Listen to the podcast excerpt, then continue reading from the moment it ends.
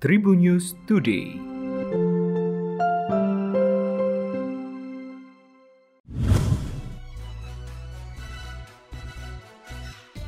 Halo Tribuners, berjumpa kembali bersama Memes. Memes akan berbagi informasi untuk kamu dimulai dari berita nasional.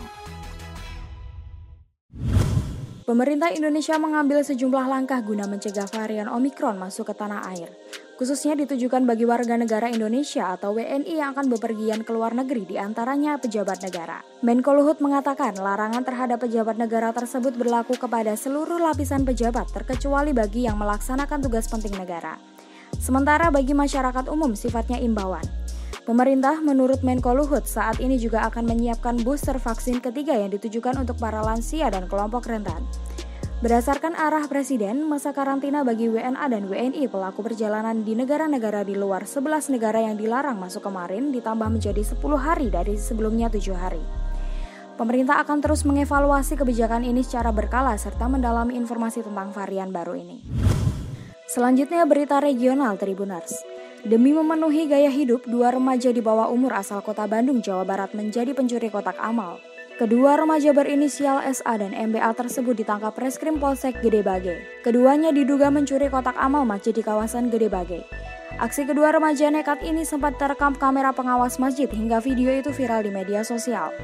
Aksi keduanya dilakukan pada Selasa 30 November 2021 subuh.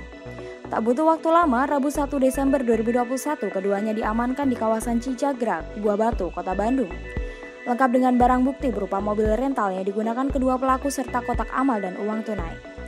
Kepada polisi, kedua remaja ini mengaku sudah dua kali mencuri kotak amal di dua masjid berbeda di kawasan Gede Bage.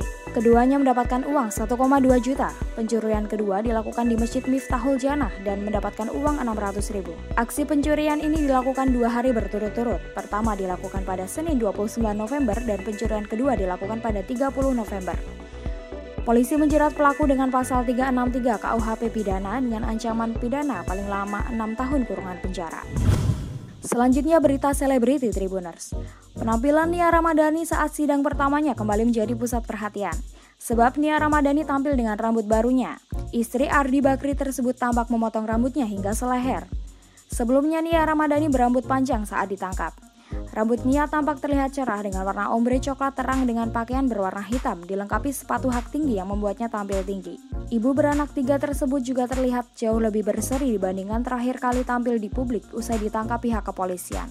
Diberitakan sebelumnya, Satres Narkoba Polres Metro Jakarta Pusat menangkap Nia Ramadhani di kediamannya di kawasan Pondok Pinang, Kebayoran Lama, Jakarta Selatan pada Rabu 7 Juli 2021. Saat penangkapan berlangsung, polisi mengawali dengan mengamankan supir Nia Ramadhani berinisial ZN. Dari ZN, polisi mengamankan barang bukti sabu seberat 0,78 gram yang diakui milik Nia dan Ardi Bakri. Selanjutnya berita olahraga Tribunars. Store Manager Persija Official Store, Niki Hartanto optimis Riko Simanjuntak dan kolega bisa membenahi peringkat di papan klasemen Liga 1 musim 2021-2022. Saat ini Persija bertengger di posisi 10 klasemen dengan raihan 18 poin setelahnya hanya mampu meraih 4 kemenangan, 6 hasil imbang, dan mengalami 4 kali kekalahan. Hasil baik yang diraih Persija di kompetisi dipastikan bakal memberikan dampak langsung pada penghasilan Persija Official Store. Toko merchandise Persija yang berlokasi di Plaza Kuningan, Jakarta Selatan yang menjadi tanggung jawab Diki sekarang ini terpengaruh performa kurang memuaskan Rico dan kolega di Liga 1.